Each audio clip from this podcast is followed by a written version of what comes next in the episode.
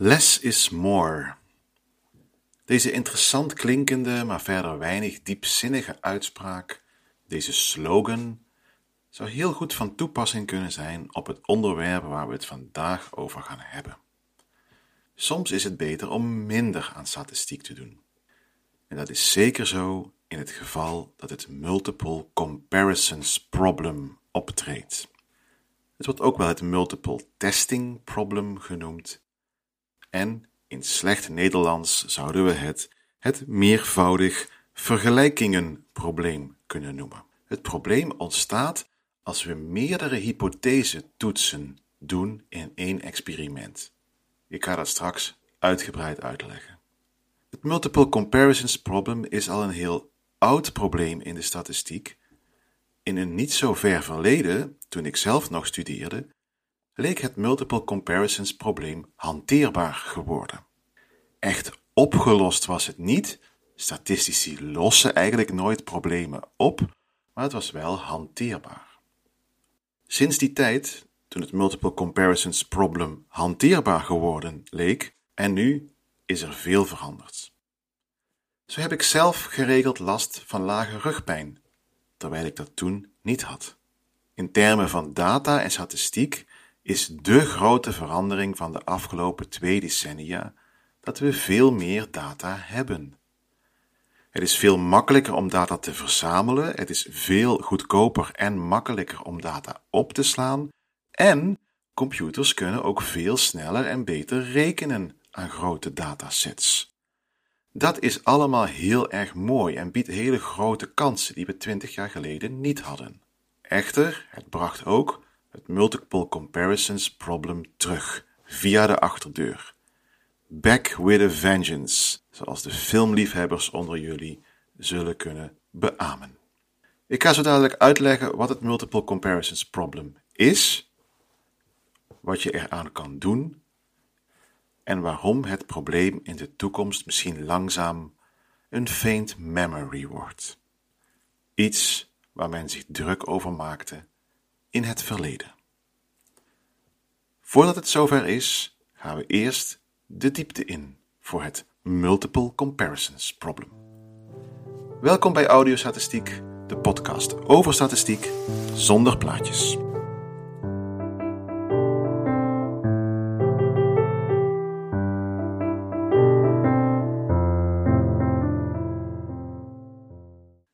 Om te begrijpen wat het Multiple Comparisons Problem is, moeten we terug naar de p-waarde. Daar heb ik het in een eerdere aflevering, al vrij vroeg in de podcastserie, ook al over gehad. Dus als je dat nog eens terug wil luisteren, is dat misschien geen slecht idee. De p-waarde krijgen we, ontstaat, zou je bijna zeggen, elke keer wanneer we een hypothese-toets doen. Of we nu een t-toets doen, of een chi-kwadraattoets, of een correlatiecoëfficiënt uitrekenen, of lineaire regressie, of ANOVA en noem maar op wat je nog allemaal kan doen. Elke keer krijgen we een p-waarde. En op basis van die p-waarde beslissen we of we de nulhypothese verwerpen of niet.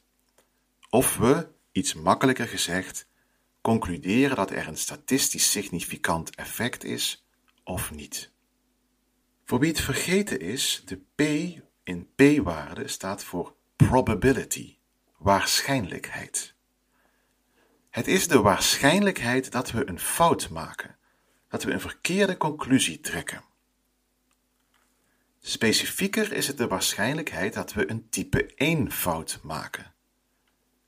Die gebeurt wanneer we concluderen dat er een statistisch significant effect is. We verwerpen de nulhypothese, terwijl dat onterecht is. Terwijl in de echte wereld een soort alwetend wezen weet dat het in de echte wereld niet terecht is dat wij de nulhypothese verworpen hebben. Dat is een type 1 fout en die fout willen wij niet graag maken. We maken sowieso niet graag fouten. Als je een type 1 fout maakt, trek je eigenlijk een verkeerde conclusie en dat wil je niet. Dus daarom willen we de p-waarde laag houden. En het is heel gebruikelijk in veel takken van sport om te zeggen een p-waarde van 5% van 0,05, dat vinden we een acceptabele foutmarge. Dus, als de p-waarde kleiner is dan 0,05, dan zeggen we: Oké, ik heb voldoende vertrouwen in deze bevinding om de nulhypothese te verwerpen. Ja, inderdaad, er is hier een statistisch significant effect. Soms wordt ook een p-waarde van 0,01 of een net iets andere waarde gehanteerd. Dat ligt een beetje aan welk vakgebied je in zit. Er is iets geks met de p-waarde. De p-waarde is de waarschijnlijkheid dat je een fout begaat en die wil je graag laag houden. We kunnen hem niet super laag maken, want dan neemt de kans toe dat we de andere fout maken, de type 2 fout. Namelijk dat we de nulhypothese niet verwerpen terwijl we dat wel hadden moeten doen. 0.05 wordt gezien als een goed compromis. Ah, ik zei er is iets geks met die p-waarde en dat is ook echt zo. Die p-waarde is een waarschijnlijkheid, maar het is een waarschijnlijkheid op een heel speciale manier. Het is de probability in the long run. De probability dat je een fout maakt op de lange termijn. En dat betekent het volgende. Stel, je hebt een experiment gedaan, bijvoorbeeld je hebt onderzocht of er een verband is tussen leeftijd en de mate van lage rugpijn. Je vindt dit verband, de p-waarde die bij deze correlatiecoëfficiënt hoort, is kleiner dan 0,05. Wat die p-waarde wil zeggen is, stel, je had dit experiment 100 keer achter elkaar gedaan, met steeds andere deelnemers, dan was er in ongeveer 5 van de 100 keer had je de verkeerde conclusie getrokken. Had je die type 1 fout gemaakt. Daarom heet het probability in the long run. Op lange termijn, hypothetisch, als je het experiment heel vaak zou doen, dan heb je 5 van de 100 keer trek je een verkeerde conclusie. En dat vinden we acceptabel. Het vervelende is dat je niet weet of jouw uitkomst, jouw experiment, een van die vijf is waarbij je een fout maakt, of een van de 95 is waarbij je de juiste conclusie trekt. Dus de p-waarde betekent niet dat je 95% zeker kan zijn dat je geen foute conclusie trekt met dat experiment. Dit is best wel een subtiel onderscheid en misschien leg ik het niet helemaal goed uit, maar je kunt denk ik wel aanvoelen dat de p-waarde waarschijnlijkheid gebruikt op een manier die niet super intuïtief is. Hij is wel best logisch. Hij zegt eigenlijk, nou, stel als wetenschappelijke gemeenschap, we spreken met z'n honderden af, oké, elk van ons doet het experiment één keer, dan trekken vijf van ons de verkeerde conclusie, maar 95 van ons de goede conclusie. Dus dan moeten we dat volgen en dan zitten we goed. Dan weten we hoe het in het echt zit. Oké, Probability in the long run. Waarom komt nou het multiple comparisons probleem om de hoek kijken? Dat zit zo. Als je één correlatiecoëfficiënt uitrekent met een p-waarde, dan kun je dat zeggen. Dan kun je zeggen statistisch significant verband, want als ik het 100 keer gedaan zou hebben, ging ik maar 5 keer de mist in. Als je nou twee p-waardes uitrekent in zo'n experiment, je rekent bijvoorbeeld niet alleen de samenhang tussen leeftijd en lage rugpijn uit, maar ook tussen mate van beweging en lage rugpijn. Dan doe je twee correlatiecoëfficiënten reken je uit en krijg je ook twee p-waardes, elk voor een van die twee hypotheses die je getoetst hebt. En misschien doe je wel drie, en misschien wel vier of vijf of zes, of misschien reken je wel tien correlaties uit. Als dat zo is, dan wordt de kans dat één van die tien een vals positief is, een type 1 fout is, enorm groot. Dan is de p-waarde, die kun je dan eigenlijk niet meer zien als 5 uit de 100 keer zou ik maar de mist ingaan. Dan weet je bijna zeker dat van die familie van vergelijkingen, of correlatiecoëfficiënten in dit voorbeeld, dat er één of meer een vals positief is. En dat vinden statistici een probleem. Immers, je bent dan niet meer echt beschermd op de manier zoals je dat wel bent als je maar één toets doet. En dat is het multiple comparisons problem. Het ontstaat eigenlijk altijd als je in één experiment meerdere p-waardes uitrekent. En dat doen we best wel vaak. Het is makkelijk om een t-toets te doen of om een correlatiecoëfficiënt uit te rekenen. En als je dan veel dingen gemeten hebt, dan kun je ook veel vergelijkingen maken of veel verbanden proberen te zien. Daar is op zich niks mis mee, maar je krijgt wel het multiple comparisons problem er gratis bij. Het probleem dat je weet dat één van de p-waardes die je krijgt niet goed is, je eigenlijk de verkeerde conclusie laat trekken. Alleen weet je natuurlijk niet welke p-waarde dat is. Met weinig vergelijkingen, zoals met 5 of zelfs 10 p-waardes, is dit probleem heel erg behapbaar. Dat is ook wat ik in het begin van de podcast zei. Toen ik studeerde leek dit probleem min of meer onder controle. Dan deed je bijvoorbeeld 6 t-toetsen en dan kon je de zogenaamde Bonferroni-correctie toepassen. Wat je bij Bonferroni-correctie doet, is dat je de p-waarde die je wil hebben, 0.05, deelt door het aantal toetsen dat je gedaan hebt. Dus stel, je hebt 5 t-toetsen uitgerekend in je experiment, dan wordt je kritische p-waarde niet meer 0.05, maar 0.01. Je hebt 0.05 dan door 5 gedeeld. En dat werkt goed. Bonferroni had laten zien dat je hiermee controle hebt over de zogenaamde family-wise error rate. De error rate, hoe vaak je een fout maakt, is dan voor de familie van toetsen, zo noemen we dat, alle toetsen die je in één experiment gedaan hebt, gecontroleerd. En dat is een heel eenvoudige oplossing. Je hebt er nog wat varianten van uh, Bonferroni-methodes. De Shidak-methode, Dunn, uh, Holmes. Al dat soort statistici hebben hun naam gegeven aan variant op Bonferroni. Echter, deze aanpak werkt niet meer als je veel meer vergelijkingen gaat doen. Een vakgebied waar dat al vroeg heel erg speelde en ook pijnlijk duidelijk werd waarom het belangrijk is om iets tegen het multiple comparisons problem te doen, was genomics. Genome-wide association studies bekijken op elke locatie van het chromosoom of er een relatie is tussen activiteit op die locatie van het chromosoom en de kans op een bepaalde ziekte, bijvoorbeeld. Als je zo'n studie doet, doe je letterlijk tienduizenden vergelijkingen.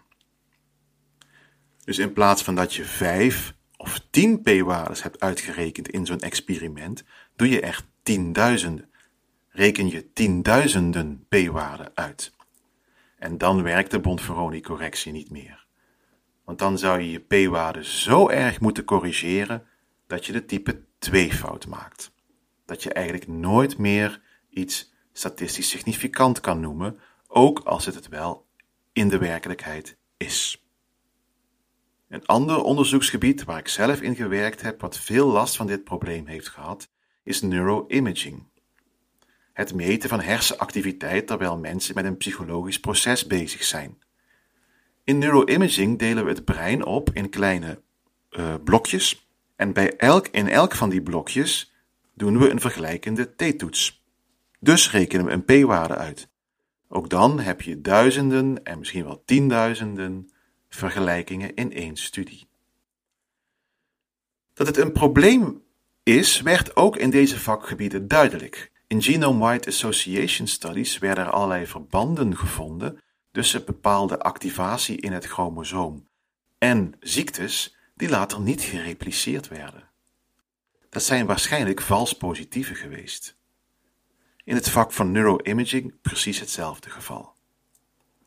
Er is dus wel degelijk een gevaar als je niet corrigeert voor het multiple comparisons problem.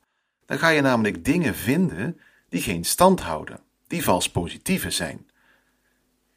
Mensen zijn echter heel creatief in het interpreteren van dingen die misschien niet zo logisch zijn. En ze, oh, oké, dat had ik niet verwacht, dat verband. Maar heel interessant, ja, nu ik er nog eens over nadenk, oké, ja, ik snap nu hoe dat zit. dan houden we elkaar collectief voor de gek. Oké, dus Bonferroni-methoden werken niet meer als je heel veel vergelijkingen doet. Er zijn wel een paar alternatieve oplossingen. En de eerste is uh, misschien wat teleurstellend, uh, gegeven wat ik net gezegd heb, is dat je niks doet aan het multiple comparisons problem. Je probeert het niet op te lossen. Je hebt ook niet de pretentie om het op te lossen. Dan ben je puur beschrijvend bezig. Heel veel machine learning-achtige aanpakken doen dat tegenwoordig. Die laten structuur in data zien zonder dat ze p-waardes gaan uitrekenen of hypotheses gaan toetsen. Daar is helemaal niks mis mee, maar de tekortkoming hiervan is de generaliseerbaarheid. We rekenen niet voor niks statistische significantie uit. Als je zo'n aanpak neemt, trap dan ook niet in de val om wel t-toetsen of correlatiecoëfficiënten uit te gaan rekenen. Zeg dan gewoon: dit is puur beschrijvend. Kijk mensen, zo zag het patroon in onze data eruit. Punt. Wat je ook kan doen, is minder vergelijkingen doen. Het heet tenslotte het multiple comparisons problem. Dus hoe minder comparisons je maakt, hoe minder p-waardes je uitrekent, hoe minder groot het probleem is.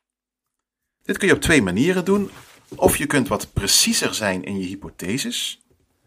Dit sluit aan bij de discussie over exploratief of verkennend onderzoek versus bevestigend onderzoek. Je kunt alle mogelijke vergelijkingen doen die in een dataset zitten, of je kunt zeggen: nee, alleen maar voor deze drie vergelijkingen heb ik een strakke hypothese. Dan doe je die drie en corrigeer je je p-waarde met behulp van Bonferroni-correctie voor die drie vergelijkingen. En bij de rest zeg je: hier was ik van tevoren niet in geïnteresseerd, hier ga ik ook geen hypothesetoets op doen. Een andere manier, een hele populaire manier om minder vergelijkingen te doen, is datareductie. Dan maak je eigenlijk je data behapbaarder. Stel, je hebt een vragenlijst afgenomen in twee groepen, patiënten en controles. En die vragenlijst bestaat uit 100 items, 100 vragen. Dan kun je 100 keer uitrekenen, per vraag dus, of de patiënten verschilden van de controles. Heb je een enorm multiple comparisons problem. Je kunt ook datareductie doen, zoals bij factoranalyse. Je gebruikt dan factoranalyse om die 100 vragen terug te brengen naar bijvoorbeeld drie factoren. Dat is een wiskundige truc om verbanden te zien tussen vragen. En in plaats van dat je dan 100 keer een vergelijking doet, doe je nog maar drie keer een vergelijking. Ik zeg nu drie, maar het ligt eigenlijk aan de data wat er uit zo'n factoranalyse komt. Het kunnen er ook vier of vijf of zes zijn. Steeds is dan wel het multiple comparisons probleem behapbaarder. Ten slotte is een populaire manier om om te gaan met het multiple comparisons problem de false discovery rate. Dat is eigenlijk een alternatief van de p-waarde waarbij je zegt ik accepteer dat er vals positieven in mijn dataset zitten, maar de hoeveelheid daarvan wil ik wel controleren. Dat is een soort compromis tussen niks doen en de veel te strenge Bonferroni-toepassing. False discovery rate werd een tijdje lang uh, fronsend bekeken, maar is inmiddels omarmd in heel data-intensieve vakgebieden, zoals de voorbeelden die ik eerder gaf. Ik zei tenslotte, maar eigenlijk is er nog een oplossing te bedenken, of een methode die wordt ingezet om het multiple comparisons problem te verminderen. En dat zijn permutatie- of randomisatietechnieken. Daar ga ik het een andere keer over hebben, als het weer wat kouder wordt buiten. Het multiple comparisons probleem is een moeilijk oplosbaar probleem. En het is vooral belangrijk dat je weet dat het bestaat. Want anders ga je misschien 20, 30, 50 p-waardes in je studie uitrekenen, word je heel erg opgewonden van dat er zes significant zijn en zie je dan over het hoofd dat er een enorm grote kans is dat dat vals positieven zijn. En dat wil je niet, want dan zit je onzin te verklaren. En dat is niet onze taak als wetenschappers. Hoe met het multiple comparisons probleem om te gaan, daar is geen kant-en-klare oplossing voor. Ik heb wat suggesties gegeven het ligt in de praktijk heel erg aan het soort data wat je hebt, hoe groot die data zijn. En mijn advies is dan ook: Ga mee wat er ongeveer in jouw vakgebied gedaan wordt. Overleg met mensen die misschien meer ervaring hebben in het vakgebied, of kijk hoe andere artikelen ermee omgaan. En dan zul je zien, bijvoorbeeld de psychologische literatuur is daar zeker een voorbeeld van, dat mensen soms het multiple comparisons probleem gewoon negeren. Dat kan komen omdat ze er niet van afweten. Het kan ook komen omdat ze het een irritant probleem vinden en geen zin hebben om er iets aan te doen. Allebei is dat niet sterk. Als je het multiple comparisons probleem gaat negeren, dan moet je dat op zijn minst zeggen. Maar eigenlijk moet je het gewoon niet doen. Ik hoop dat het probleem voor jullie duidelijker geworden is. Het is een lastig probleem, ook conceptueel, om je in te leven. En wat het lastig maakt, volgens mij, is dat die p-waarde zo typisch is, dat die zo'n typische betekenis heeft. In de volgende aflevering gaan we zien dat dat in de statistiek enorm veel gedoe en geruzie heeft opgeleverd, die typische p-waarde. En dat er een tak van statistiek is, die Bayesiaanse statistiek heet, die een beetje lachend naar die p-waarde kijken. Want die zeggen, die p-waarde, ach, die hebben wij toch helemaal niet nodig. Daar doen wij toch helemaal niks mee. Dat klinkt misschien wel lekker na zo'n heel verhaal over multiple comparisons met 20 of 30 of 50 of tienduizenden p-waardes. Luister daarom ook naar de volgende aflevering over Bayesiaanse statistiek. Voor nu laat ik jullie achter met een probleem wat behapbaar leek en ons toen via de achterdeur opnieuw verraste.